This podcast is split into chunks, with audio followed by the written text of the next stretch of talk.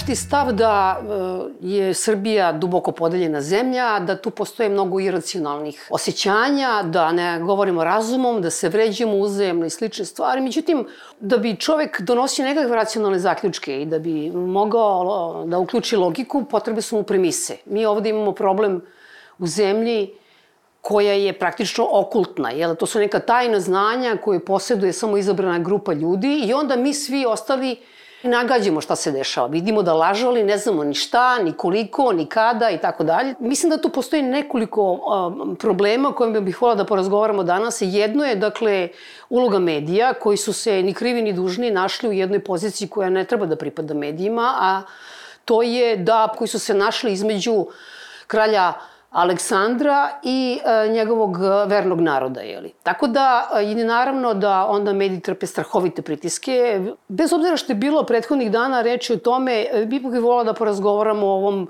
stvarno sramotnom slučaju vraćanje na ponovno suđenje gročanskom gazdi e, Dragoljubu Simonoviću za paljanje kuće našeg kolege Jovanovića. Tri godine je to trajalo. Ja inače iz hobija pratim suđenje na Drangeti u Italiji Oni imaju 400 mafijaša i državnih činovnika i to planiraju da završe za dve godine. Evo.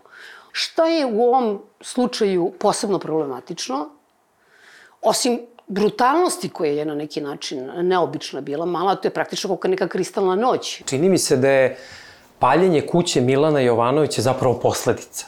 Da je, da je taj slučaj krenuo mnogo ranije, da su, da su različiti oblici napada, najpre pritisaka, tog verbalnog odnosa predstavnika vlasti prema Milanu, predstavnicima ovaj, žig portala, da je to krenulo mnogo ranije, da je to na neki način, čini mi se, kulminiralo prosto paljenjem kuće, a da pre toga ste imali, recimo, napad na gospodina Matorčevića, teško prebijanje, gde jednostavno čini mi se da e, i tužilaštvo i policija nije pokupilo sve te veze i da jednostavno nije reagovalo na vreme i onda ste kao posledicu imali to paljenje kuće koje verovatno za nameru tu ovaj pravu možda nije ovaj imalo pokušaju odnosno ubistvo gospodina Jovanovića i, i njegove supruge, već neku nameru zastrašivanja, međutim to se do te mere otelo kontroli, kompletno to ponašanje od e, predsednika opštine do njegovih poslušnika, do na kraju onih koji su zaista izvršili to delo.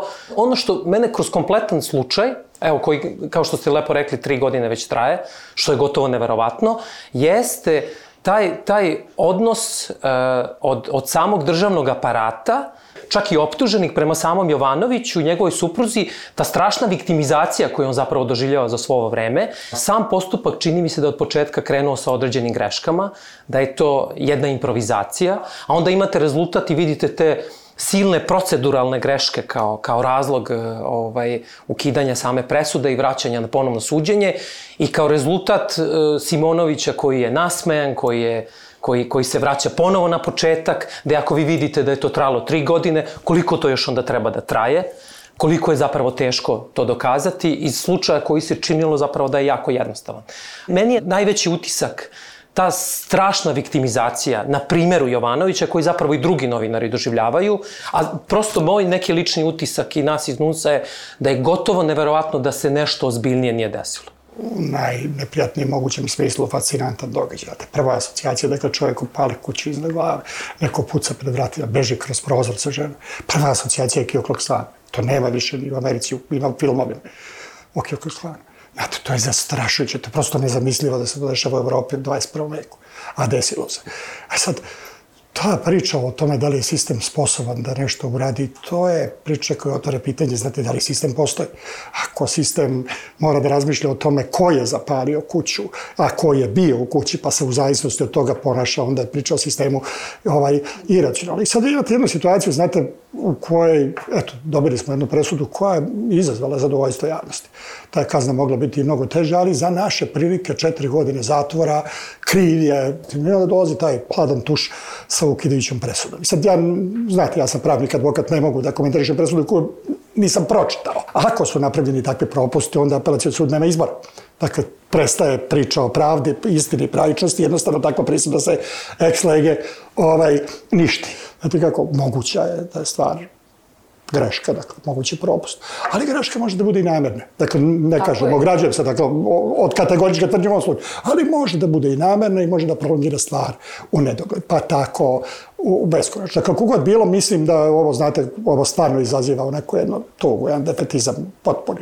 Ja ću vas podsjetiti na jednu stvar. Znate, u toku tog, tog postupka, znate, pošto je tužilac bio za naše prilike neobično agilan, obično su stidljiviji, ali Ovaj, da, da. Ovaj, u jednom trenutku je optuženi i njemu rekao, slušaj ti, vidjet ćeš ti dobro, da li ćeš ti i biti tužilac. E sad, mi smo u situaciji da ovaj stvarno više nije tužilac, jeste titularni, ali je isključen suđenje pošto je izabran za DVT, a Simonović je trenutno nevin, sako je nevin dok ne bude pravno snažno osuđen. Nažalost, kad pogledate realno stvari, da su novinari maltretirani od strane policije, čak uniformisane policije. Pa naš tužilac i naša sektor za unutrašnju kontrolu nisu u stanju da identifikuju dve godine ko je tu kao, ko je od uniformisane policije iz jedinica koje je moguće identifikovati u sve kamere koje imaju na sve strane, nisu mogli da identifikuju. A by the way, trenutno identifikuju hiljadu ljudi prekršioca saobraćene pa i gone zbog učešća u demonstracijama. Kažem, ne mogu da govorim o konkretnoj presudi, voleo bih da vidim šta su razlozi i pretpostavljam da je reč o apsolutno bitnim povredama postupka, dakle da je presuda morala da bude ovaj, morala da bude ukinuta to je već postalo upadljivo. Ta igra između ovih nižih sudova i viših sudova. Niži sudovi su dobri, a onda apelacioni sud koji se ponaša kao loš policajac, ovi su kao dobri policajci. Dakle, ili imate potpuno nesposobne u pravosuđu ljude koji onda, onda je sve otešlo dođevola, jeli, ako to ne mogu da urade, ili imate tu igru koja meni čini da je sve češće upotrebljavana. Mi još uvek nemamo, je li tako, vi nemate uopšte tu kompletnu presudu. Pa koliko treba da napišu tu presudu? Uvek je to komplikovano. Pa, izvinite, to sam čula kad sam pitala ove kolege za aferu Indeks. Godinu i po dana oni pišu presudu. Pa, mislim, nemojte to. Ili, ili su nepismeni idioti neki, ili čekaju da zaboravite tu celu stvar i da ne, neka druga afera i neki drugi problem zatrpa to. Ovde funkcioniše taj princip odlaganja. Neka neko drugi reši. Ovaj, čini mi se da e, slučaj Milana Jovanovića, ali i drugi slučajevi, zapravo kreće od momenta prikupljanja dokaza. Da li policija pripremi te dokaze kako treba, da li tužilac to prihvati obradi, da im nalog da, da prikupe nešto novo, da li tu postoji neki šum koji na kraju rezultira određenom količinom dokaza koji se prihvate ili ne prihvate. Meni se prosto čini da sud, opet kao ta završnica, nekada zaista nema materijal da, da, da donese kvalitetnu presudu u tu stranu. Međutim, sa druge strane, ako se ispostavi da zaista jeste, a ovako kako izgleda, te kroz komentare, oni koji su mnogo relevantni, pa je tužilac Milovanović na određeni način ovaj, e, izneo neki stavi, to, to zaista liči na neke proceduralne greške.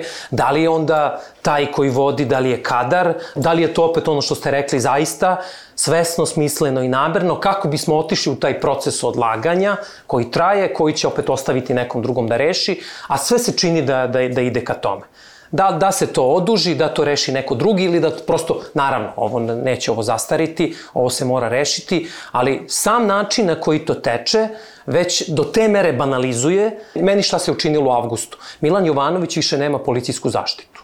Meni se u tom momentu čini, prvo, nije, nije, proces nije okončan, nije rešen. Simonović nije osoba koja prestaje da uznemirava na određeni način, da pritiska. Ne čini on možda krivična dela, ali on možda i dalje podstiče. On možda i dalje iznosi, kao što radi, komentariše, iznosi, govori, Eh, čuli smo šta je rekao tužiocu, nije, nije strano ni šta je rekao, šta je, šta je izgovorio nakon samog hapšenja ili čini mi se nakon puštanja na, da se brani sa slobode. Sve to pokazuje nekako, ne spokojava i Jovanovića, ali ne uspokojava i kolege novinare druge, koji ne daj Bože mogu da se nađe opet u, u sličnoj situaciji. Tako da meni se čini, to je to jedan proces zapravo usporavanja, odlaganja, da ne kažem zastarevanja, ne, neće zastariti, ali koji će ostaviti nekom drugom da, da, da reši problem. Na sve što su uh, sagovornici rekli, dodala i tu uh, poruku koja se šalje nama novinarima. Dakle, uh, evo, šta može da vam se desi i taj neko uh, će da šeta na slobodi i da komentariše postupak, ovo što je Rade rekao, možda, jel, da i čini neko novo krivično delo, da podstiče opet na novo neko krivično delo i iako e, se ovde dakle nije nije pravno kvalifikovano ovaj e, ovo delo kao pokušaj ubistva, mislim zaista je jezivo i nekako verujem da sve kolege novinari e, nekako imaju taj osjećaj da je to zapravo bio neki pokušaj ubistva. Sa druge strane, e, pomenuli ste i ove, da li se sad namerno odugovlače postupci ili, ili je to sad nesposobnost ili je korupcija ili šta već.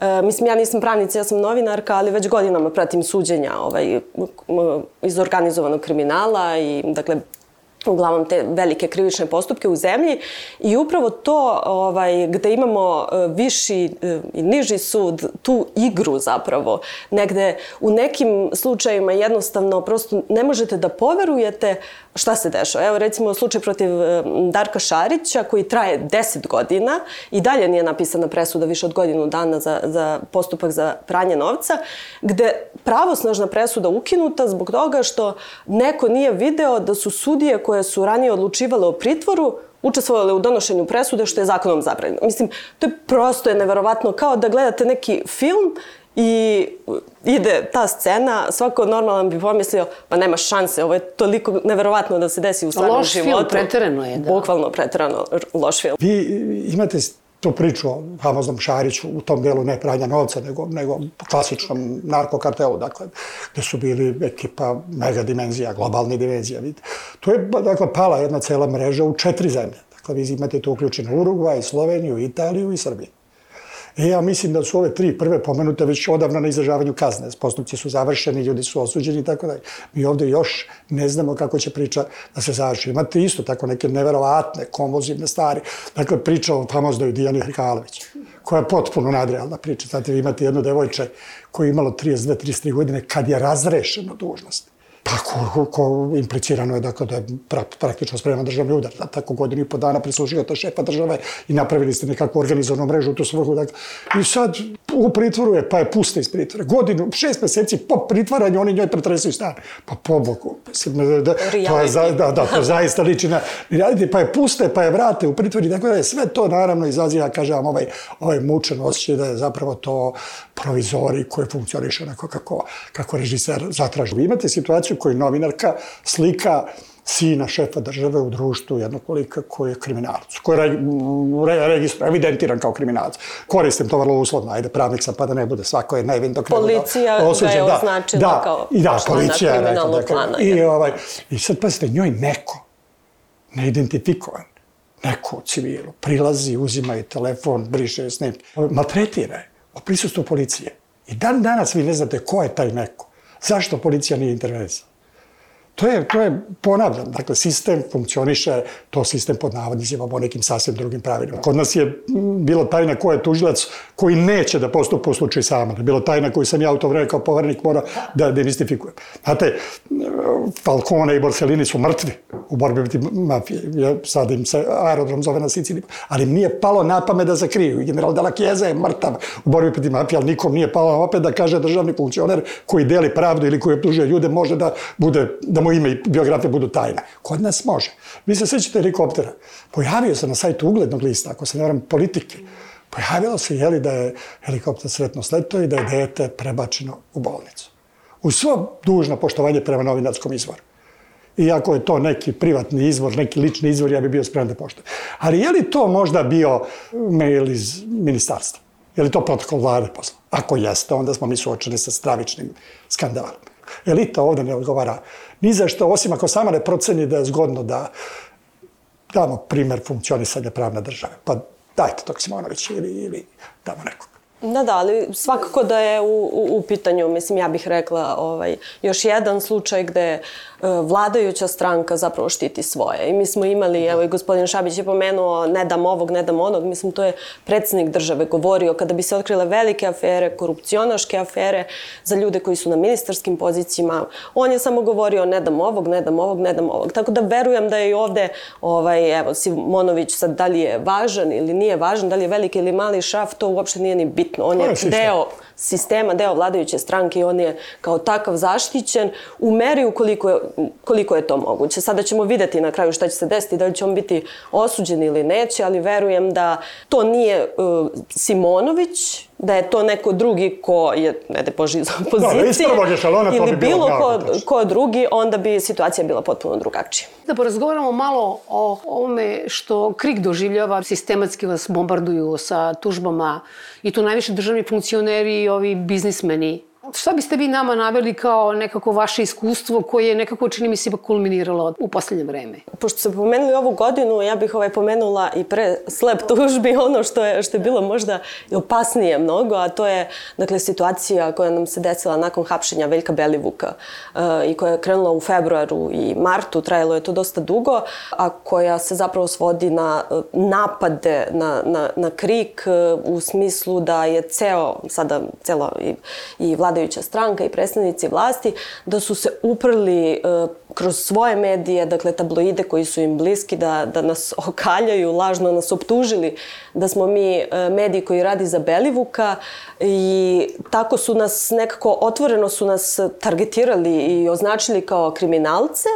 Naročito je opasno zapravo što je ta grupa Veljka Belivuka u ovom ratu klanova koji se godinama odvija, dakle rat između Škaljarskog i Kavačkog klana, uh, je bila na strani jednog klana, dakle Kavačkog, tako da time što su nas označili kao članove Belivukove grupe, stavili su nas otvoreno ovaj, na stranu jednu od tih zaraćenih strana i time ugrozili zapravo sve, sve nas uh, u redakciji. Ne znam da li im je to bila krajnja namera ili jednostavno nisu razmišljali uopšte. Na sreću to je toliko providno da onaj drugi klan nije.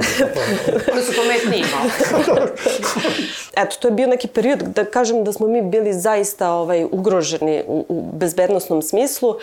Ono što je važno da, da napomenem tu jeste taj povod zbog čega smo mi zapravo uvek na nekom udaru. U ovom slučaju e, povod je bio to što godinama zapravo smo otkrivali veze koje Belivukova grupa ima u državi, u policiji, u sistemu e, i zapravo oni su iskoristili, samo su napravili onako odsjaju ogledalo, obrnuli su stvarnost i rekli ne, ne, nismo mi ti koji su bliski Belivuku, jer sad Belivuk više nije dobar za državu i za sistem, sad je loš, sad ga hapsimo, tako da vi ste u stvari njegovi saradnici. Gde onda neki ljudi tamo koji očigledno veruju u sve što čuju na Pinku i Happy-u, ovaj, stvore neku, naravno, potpuno iskrivljenu sliku i onda su tako izrevoltirani da zovu telefonom i prete nam, ostavljaju A neki spontano, a neki, a neki profesionalno. Da, da, da, da, da, hoću da, da kažem da, da, da, da, da, da ima, prosto, ove, ima razlike. To je prosto posledica i rezultat jednog sistematičnog rada, kontinuiranog iza, yes. koji zapravo proizvodi tu vrstu reakcije kod određene grupe građana. Neki to rade sa namerom, neki to rade spontano, revoltirani, zbog, jel te, za Boga napada na državu kao takvu, na Srbiju. Kao ishod vi imate ono što mi zovemo targetiranje, a što kad iznesem tužiocu, on kaže, ali izvini, targetiranje nije e, pretnja, direktna, to nije ugrožavanje sigurnosti, ali ja sad pokušavam da povežem tu radnju koja zapravo uzrokuje većinu tih napada. Pa mi sad imamo situaciju, pogledajte, imate sad ove famozne optužnice u Šapcu. Dakle, neko izlepi grad optužnicama plaćuje automobile, poštanske sanduče. Ono kao poternice. O, poternice, to je, to je ozbiljna logistika. Treba da to je kvalitetni papir, kvalitetna štampa, treba ekipa da to distribuira lepi i tako dalje. Tako to je nekakva logistika koja nije par spontani ljudi, to je ozbiljna, ozbiljna akcija. Dakle, imate novinarku koja je, dakle, sebi dozvolila to je otprilike pandana ovo što Krik radi, da se zainteresuju za temu. Dakle, neki ljudi koriste svoje ustavno pravo i demonstriraju. Može biti da krše zakon o bezbednosti saobraćaja, možemo tako da raspravljaju, ali oni demonstriraju. Na njih ide ekipa ljudi koja pod maskama iskače iz konvoja službene škode i bije im motkama. I sad, meni je potpuno logično novinarsko interesovanje za to ko su bre ti ljudi i pogotovo da li iskaču iz službeni da, škoda. To, dakle, žena radi svoj posao najtipičnija novinarska reakcija.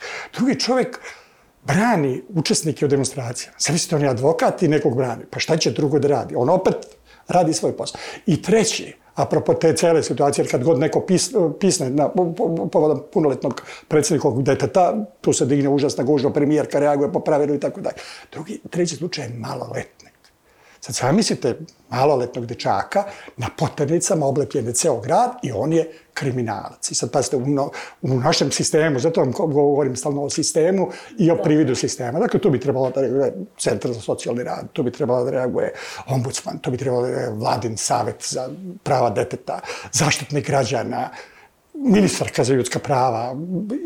Kođe, jesmo li čuli jednu reakciju? Da se nadovežem na ono, ovaj, na ono što je Bojana rekla vezano za, za te, te strašne set incidenata vezano za, za ovaj, e, povezivanje Krika, redakcije Krika sa, sa e, tom, tim ogrankom mafijaškim ovaj, e, Belivukovim. Koji mesec pre toga Nuns je postao deo nove radne grupe za bezbednost novinara, faktički pod nekim, nekim pokroviteljstvom ovaj, premijerke vlade Republike Srbije, od koje smo očekivali i tražili da reaguje u tom momentu. Mi do danas nismo imali bilo kakvu reakciju. Grupa je nastavila da radi, NUNS i nekoliko drugih uh, udruženja i asocijacije smo jednostavno odpustili, jer smo smatrali da je nedopustivo da se formira takva grupa, da takva grupa funkcioniše, a da će grupa selektivno da, da, da primenjuje i reaguje. Ona famozna ombudsmanova platforma ili kako se zove, ima i to, jel? I deo smo i te grupe. Ovaj, a, nažalost, ona se potpuno iskrivila, ovaj, gde je cilj da se kreira jedna baza, nova baza, nova klasifikacija sa novim kvalifikacijama, iako takve baze već postoje, A da je ono što smo stavili samo, kao... Samo da, da malo pojasnimo. Znači, vi ste bili deo te grupe kod ovog takozvanog ombudsmana i zaštitnika i građana. Sam, jel? I jeste. Da. Ali koliko sam ja videla, vi ste na Skupštini u stvari predložili da se to napusti ili on vas koristi kao neki alibi za to da ništa ne radi kao što obično ništa ne radi. Članstvo je zapravo, članstvo je zapravo smatralo da ne treba da budemo deo grupe. Grupa se zapravo svela na izradu određene platforme, baze podataka koja bi sadržala određeni broj napada ti napadi postoji na NUNS-ovoj bazi. Pre čini mi se da deluje da je to cilj koji je označen kao ovaj, poglavlje 23, ispunjavanje, koji će prosto koristiti Srbiji da ide dalje, a okrenuli smo se, ne bavimo se onim što je suština, samim pritiscima, zbog, zbog kojih smo zapravo tu, e, kvalifikacijom samih pritisaka, mi u okviru grupe, pa tek onda da, da to unesemo u bazu kao takvu. Tako da, vidjet ćemo kako, ali NUNS je doneo tu odluku. Jedna stvar je ovo o čemu si ti govorila, a to je to pitanje ugrožavanje vaše bezbednosti, ali oni su već dosta davno ustanovili tu praksu tih tužbi U ovom trenutku e, se suočamo sa 10 postupaka. Od toga je, e, mislim, osam tužbi koje su podneli ljudi koji su bliski vlastima, koji su iz vlasti i e, naprimer? smatramo, na primjer, Bratislav Gašić, evo recimo kao direktor bezbednostno-informativne agencije, imamo zatim tužbu trojice policajaca koji su rukovodioci jedinice za zaštitu svedoka, Biznismene tužbe su podneli ali biznismeni koji su bliski vlastima, kao što je, ne znam, Bogoljub Karić, e, Nikola kao Petrović, Nikola Petrović. Nikola Petrović je podneo krivičnu tužbu i on, za razliku od ovih drugih e, slučajeva gde uvek traže naknadu štete, odnosno traže novčanu naknadu zbog povrede ugleda i časti, Nikola Petrović traži kazne zatvora za, za naše novinarke i, i to dva meseca i jedan mesec e, zatvora. Da podsjetimo ljudi koji ne znaju, bivši direktor elektromreža i, I navodno kum, kum ovaj, Aleksandar Vučić. Ili kum je, nije navodno. Da, predsednik je priznao da su kumovi, ali on samo jedan od 75 ovaj, kumova. Dakle, ljudi koji su veoma moćni, poput Stanka Subotića, on nas je, dakle, kontroverzni biznis, biznismen, jel, kome se sudilo za šverc cigareta. On nas je tužio, zanimljivo je u Švajcarskoj, pošto je i tamo, tamo je državljanin. Tako da sve to kada se skupi, eto imamo ovaj, 10 postupaka, zaboravila sam da pomenem Predraga Koluviju, to je veoma zanimljivo. Da, samo to si zaboravila. Zato što e, smo mi evo, prošlog meseca u, u novembru su nam stigle tri tužbe, dve tužbe od Predraga Koluvije koji je optužen da je proizvodio marihuanu na, na svom imanju Jovanjica.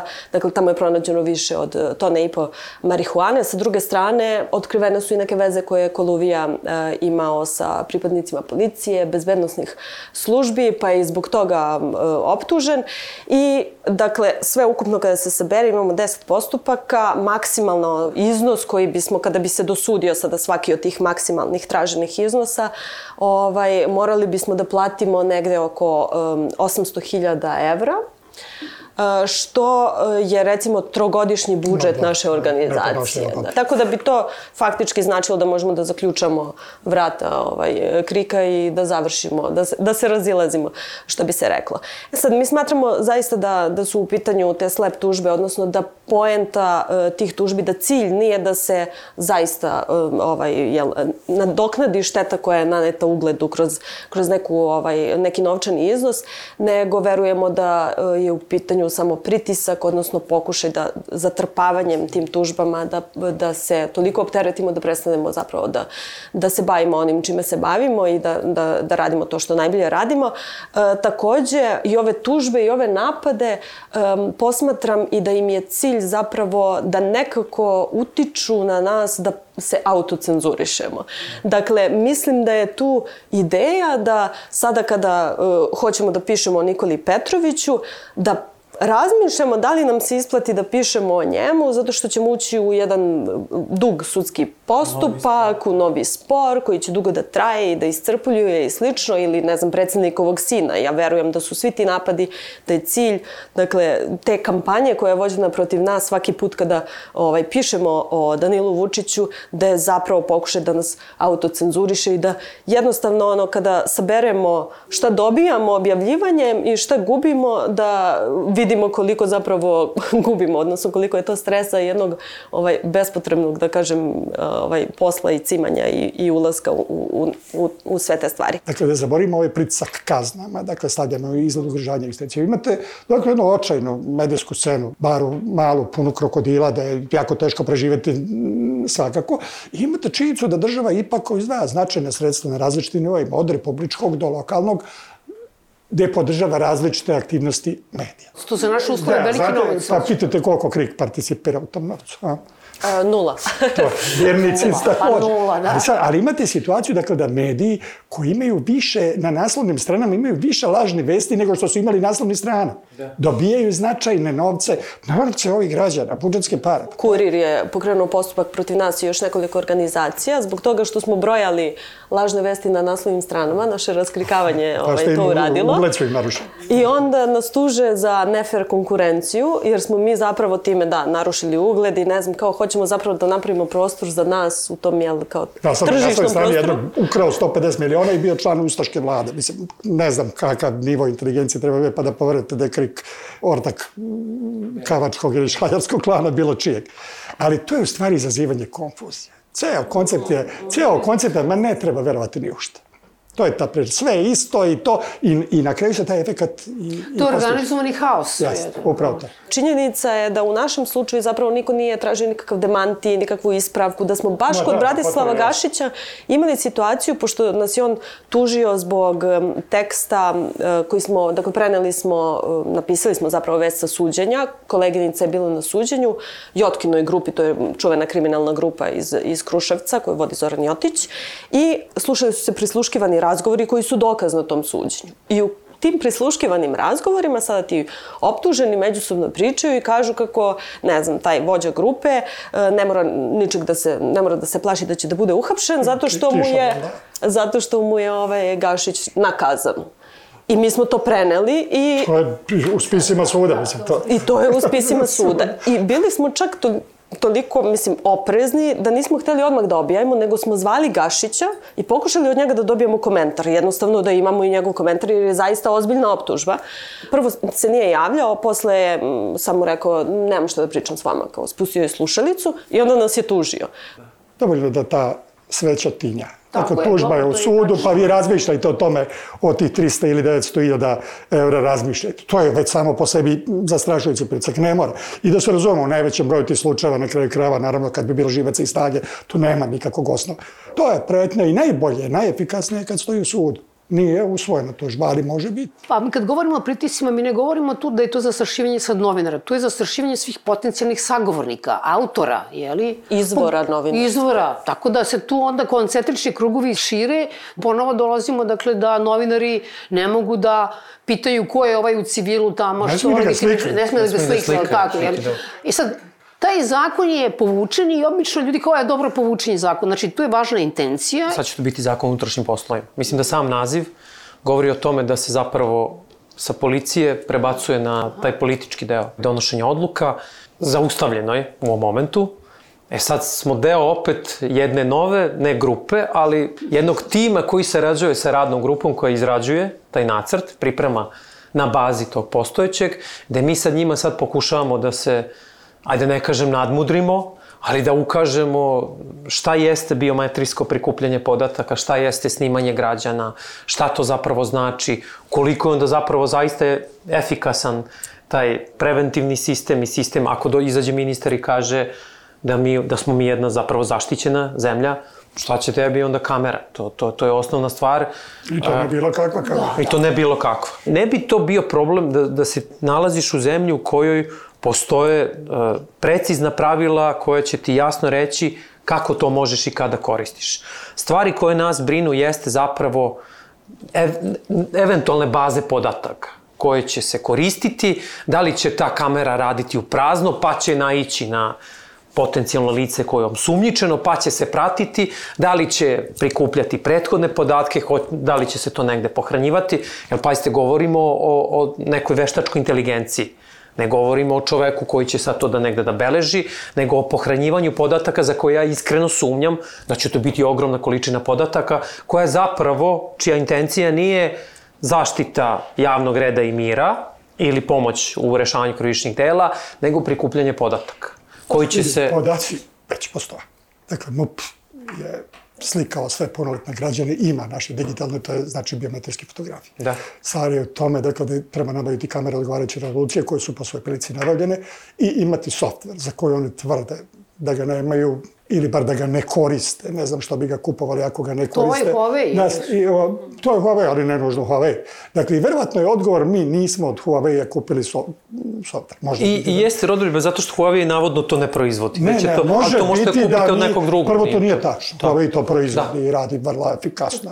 I to je, face recognition. Da, da, da, face recognition, i tekako radiotokinaz je odlično, to i nervira Amerikanca i Nemca. Stvar je dakle u tome, dakle, zašto ćeš ti to da koristiš? Postoji jedan broj zemalja koji koriste face recognition, postoji, ali pasite, tamo su utvrđena pravila. Ne možeš ti da koristiš to kad ti padne na pamet. Dakle, jedna je stvar da li ću upotrebiti taj software, pa ću snimak potencijalnog teroriste provući munjavitom brzinom kroz vadu podataka i identifikovati da je to taj ta. A drugo, da li ću ja to sumnjiče koristi za e, identifikaciju maloletnika, prekršioca, saobraćaja, ili, bože moj, neprijatnih novinara, političkih oponenata i tako da. Izvora dakle, novinarstva, to je sistem, to nam je izvora važno. novinarstva, to je Tako sistem je. koji omogućava totalno praćenje. Ja se uvijek setim rečenice bivšeg ministra unutrašnjih poslova, sad ministra odbrane, pokrićemo svaku ulicu, svaki ulaz, svaki prolaz i digne mi se kosa na glavi.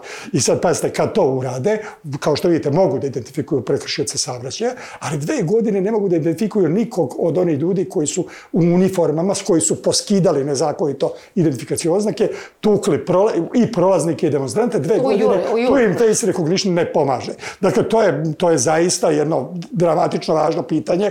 Ima, trenutno imate, imate i, zvaničan stav visoke komesarke ljudska prava Ujedinjenih nacija koja je izričito kategorički govorila o tome da ta stvar mora da se zaustavi, da je upotreba veštačke inteligencije u tu svrhu ovaj, visokorizične. Imate, imate praktičnu interpelaciju, odnosno zahtev velike grupe poslanika u Evropskom parlamentu u istom smislu i mi u tom trenutku u zakonu o policiji stvaramo osnov da. za to. I sad, pazite, ne samo da stvaramo osnov, nego ako bi slučajno Bojana i njen reporter došli do podatka o, o meni kako nekog tučem ili, ili, ili maltretiram ili uzimam mito, pa objavili odgovarali.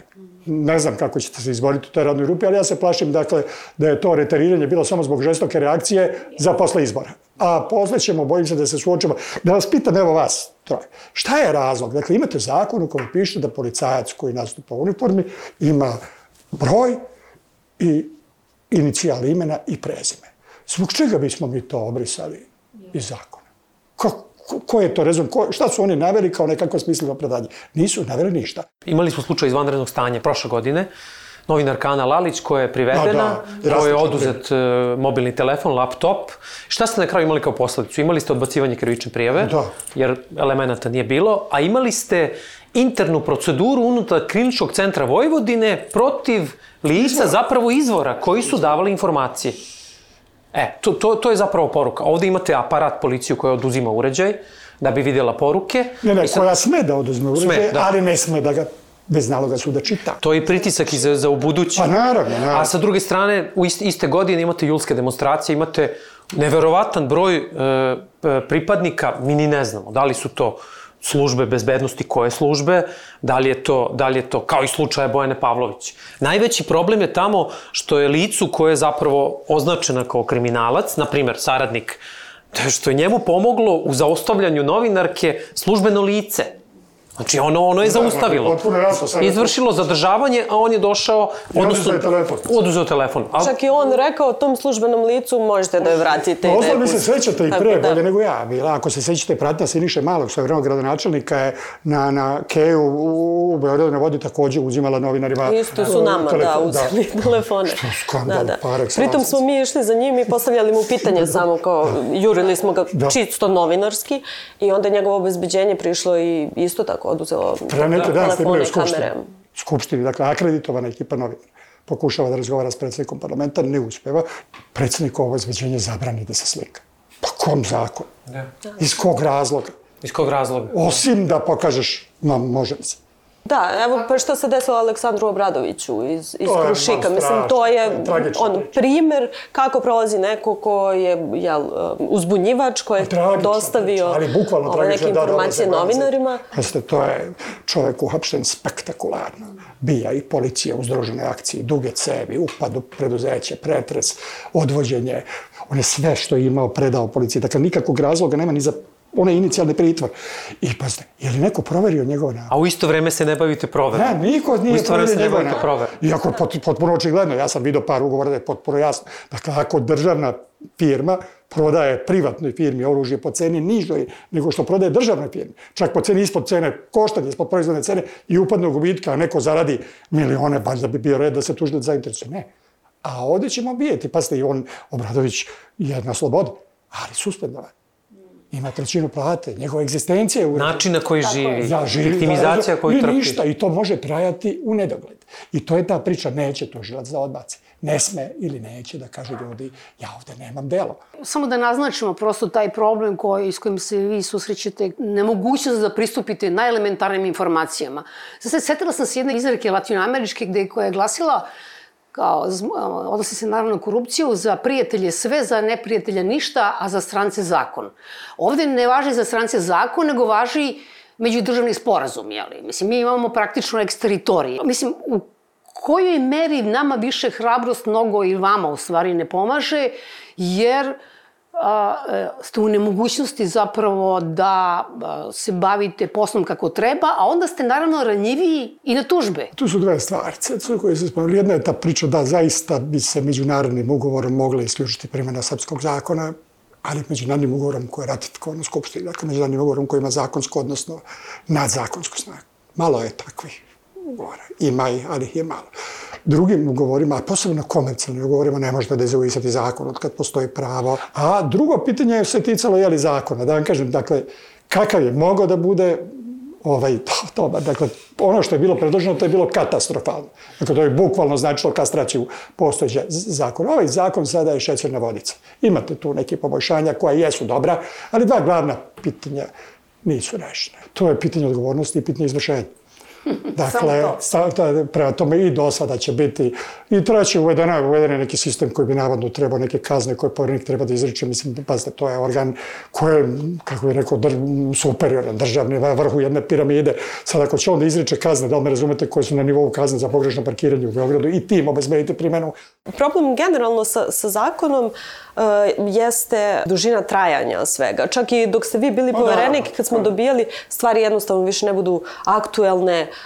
prođu događaji, promene se situacija, ako vi čekate na nešto tri meseca ili šest meseci ili ne znam sad koliko, zato što je uvek bila opterećenost e, institucije poverenika, pa sve to trajalo onako poprilično uh, dugo. Uh, I da, svakako da, da to ovaj, otvara sada kao, ajde da kažem, da novinari samim tim posta, postaju ranjiviji. Međutim, kad se povećavala transparentnost, svi smo se dosta više oslanjali na zakon, na institucije, tu proaktivnost, naći ćemo nešto na sajtu i slično. Sada kada se ta transparentnost institucija zapravo smanjuje, svesni smo da na njih ne možemo da se oslonimo i jednostavno moramo da se vratimo ovaj, nekom možda ranijem i starijem da, novinarstvu koji, koji, rizičan, da. koji jeste rizičan, ali opet, ajde, pokušavamo preko uh, novinarskih izvora da dođemo prvo do dokumenta, ako baš ne možemo da dođemo do dokumenta, onda ćemo se držati onog pravila tri nezavisna Naravno. izvora, kao da se vraćamo zapravo novinarstvu pre digitalizacije, da, da. dakle i pre ja, ovih zakona. Ja, prava stvar je dokument. Zakon vodi do dokumenta i to je onda komfortna situacija. Priča o izvorima, kako Bojana lepo reče, bar tri, dakle to je korektno. Ali mnogi novinari imaju, ja sam rado govorio, kaže, imam ja pouzdan izvor. Ja mu kažem, bodi ti računa da li ti imaš izvor ili izvor ima tebe ljudi već znaju da su širom Srbije poslate prijeve prekršajne, da su ljudi kažnjavani zbog toga što su ometali saobraćaj za vreme ovih protesta. Kako mislite da bi ljudi trebalo da se ponašaju? Kako mogu da se ponašaju? Dobro, ja sam i kao predsednik ovog civilnog odbora za zaštitu ljudskih prava i zvonjevača. Ti ljudi su izvedeni na ulicu ovaj, protestujući protiv očigledno loših mera vlasti da su mere bila loše, vlast je priznala sama. I predsednik, i vlada, i skupština, jer su privatili sve zahteve demonstrante. Nakon toga, ići s bilo kakvom odgovornošću za, za ljude koji su očigledno dakle, izašli ovaj, motivisani legitimnom građanskom neposlušnoću je potpuno nepravično.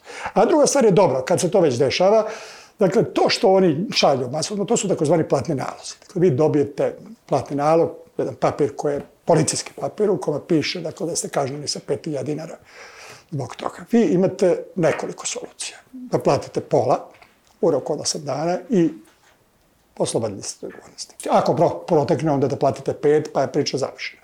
A ako ne platite, vi se izlažete situaciji dakle, da pristupe izvršenju, pa će na ti 5000 doći i troškovi izvršenja koji mogu biti osetno veći. I poslednja varijanta koju sam ja zapravo sugerisao građanima, to je dakle da potpišete taj platni nalog i dostavite ga mesno nadležnom prekršenom sudu. To je jedna vrsta protesta koja zapravo traži od suda da preispita ovaj platni nalog. A drugo, najčešće je odsustvo dokaza. Uopšte nije jasno kako su oni, osim uz eventualnu biometriju, identifikovali, identifikovali ovaj određena lica. To da su koristili biometriju ne bi smeli da priznaju i sud, to ne bi smeli da privati kao dokaz, jer je ta tehnologija kod nas ne, lišena pravnog ostava. A najčešće su blanko, dakle čak nema navedeni dokaza i tako da ja zaista verujem da bi sud trebalo da donese dakle oslobađajuće presude. E sad naravno oni računaju s tim masa ljudi, sad da se ja petljam po sudu, pa još da mogu da se krivim, pa da platim kaznu, pa da platim i sudske troškove i troškove izrašenja, dve i po iljade platim. I neći drugi put možda neći. Ne, naravno, pa cijela logika je, cijela logika je u tome. Sad, ponovo kažem, puno ljudi, kolega se javilo da radi pro bono, da zastupa razne i novinarske asocijacije i civilni sektor je pripremio različite ekipe za pruženje pravne pomoći. Ne možete tu biti, pa ja bi ljudima uvek savjetovao ovu zadnju soluciju, ali naravno rizik je, ako bude pritiska na sud, da li će sud baš da postupa objektivno i pošteno. Mislim da je to opet neko zastrašivanje i poruka. Evo, videli smo e, gde si bio, šta si radio. Novac je čak manje bitan. Mislim, da, da. značajan je u smislu što na ovu, ovu količinu verovatno će lepo da se napuni budžet. Ali mislim da je zapravo novac nebitan, nego samo to. Kao, eto, ono, veliko oko vas posmatra, znamo gde ste bili, šta ste radili i budite pametniji sledeći put, jer i mi možemo da odemo korak dalje. I samo da dodam, jer sam zaboravio. Za slučaj da se desi ovo što ja pretpostavljam da bi trebalo da se desi, dakle da ljudi budu masovno oslobađani. Dakle, to je još jedan primer traćanja resursa, vremena i pravljanja troškova, koje u krajnjoj liniji opet, ovaj, opet, plaćaju, opet plaćaju građani. Među onim licima koje su uh, dobile i prekršajne naloge, ali ne samo prekršajne naloge, nego pozive da se jave, uh, da u policijskim stanicama daju izjave, su se našli i novinari odnosno novinarke i nekoliko specifičnih različitih slučajeva. Novinari su u nekim slučajevima, ajde da kažem, sumnjičeni da, da učestvuju u organizaciji samih događaja protesta i e, na to smo probali, pokušali da reagujemo sa, sa recimo predstavnicima MUPA sa kojima sarađujemo, koji su nam opet davali potvrde da novinari mogu da učestvuju, odnosno da budu učesnici događaja kao takvog, ali u svojstvu izveštača, nekoga ko prosto u javnom interesu obaveštava građane o tome šta se dogodilo. Međutim, da moraju da budu dobro, e, propisno i precizno obeleženi, što su novinari činili. Međutim, policija je to ko, shvatala i zaključivala na neki svoj način, to je očigledno povezano i sa radom tužilaštava, jer ne možete da pozovete tek tako na davanje izjave novinare i to je sad opet dovalo i do oprečnih reakcija kod novinara. Ovo što smo pričali uh, ovaj danas, zapravo uh, imali smo novinare i novinarke koji su rekli dobro, mi nećemo dalje da ulazimo u konflikt jer mi dolazimo iz male sredine i to je posebno značajno kada je pitanju mala sredina, mi hoćemo da se to slegne, ne želimo da, da, da prosto dalje dolazimo u neku žižu javnosti, pogrešnu, po njihovom, dok smo sad neke druge strane imali opet reakciju, novinar koji je rekao ne, ja ću da pokušam da pobijam ovaj nalog, ja hoću da ovo sud e, reši.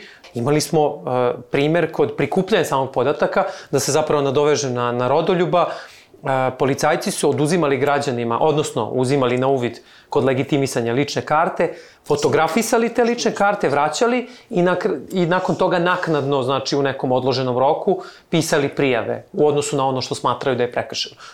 kako su prikupljeni podaci? Evo, Rodoljub je rekao, ili ste imali biometriju, ili ste već imali neku informaciju, ili ste na neki drugi način fotografisali, snimali, slikali, pa kroz opet neki proces ustanovljava, pokušali da ustanovite kome se radi, što je meni neverovatno, zato što osim fotografisanja lične karte kao takve i biometrije, prepoznavanja, ja ne znam kako su oni drugačije mogli da ustanovljaju. Ulazili su i u medije, e, pitali da li ste sarađivali recimo, da li, da li je organizovan neki skup, da li idete na određeni skup, tako da i novinar koji je pre nego što je došao već imao informaciju da će biti tu i da, da, da ga recimo policija prati. Mislim da je to poruka i da, da kao i sve, sve ono što, što smo, o čemu smo zapravo pričali. Jedan, jedan pokušaj i jedna poruka šta će se zapravo, šta može da se dogodi ukoliko ne radiš onako kako se od tebe očekuje. Ovo sve što smo pričali, dakle, ovo reteriranje u odnosu na niz projekata, pa da nisu samo zakoni koje smo mi spominjali, dakle, nema zakona o policiji, dakle, nema zakona o vodama, dakle, promenjen je zakon o referendumu, dakle, upućen je zakon o ekspropriaciji. Ja mislim da je registrovano, dakle, da su zahtevi demonstranata i ovi zahtevi ekologa o kojima je Bona govorila i slično, da nailaze na simpatije ovog značajnog procenta ljudi koji inače podržavaju vlast. I to je razlog zbog čega se reteriralo. Koliko će to trajno biti, vidjet ćemo, vidjet ćemo na izborima. Ko misli da se izbori mogu izigrati, krasti, ko misli da se na izbori može utjeti silom, batinom ili šta ja znam, ovaj, pa je u opakoj zabludi. Postoje, znate, ono, ja sam zadnji put me neko pitao kako bi jednom rečenicom ocenio situaciju kod nas, setio sam se one Thomasa Jeffersona.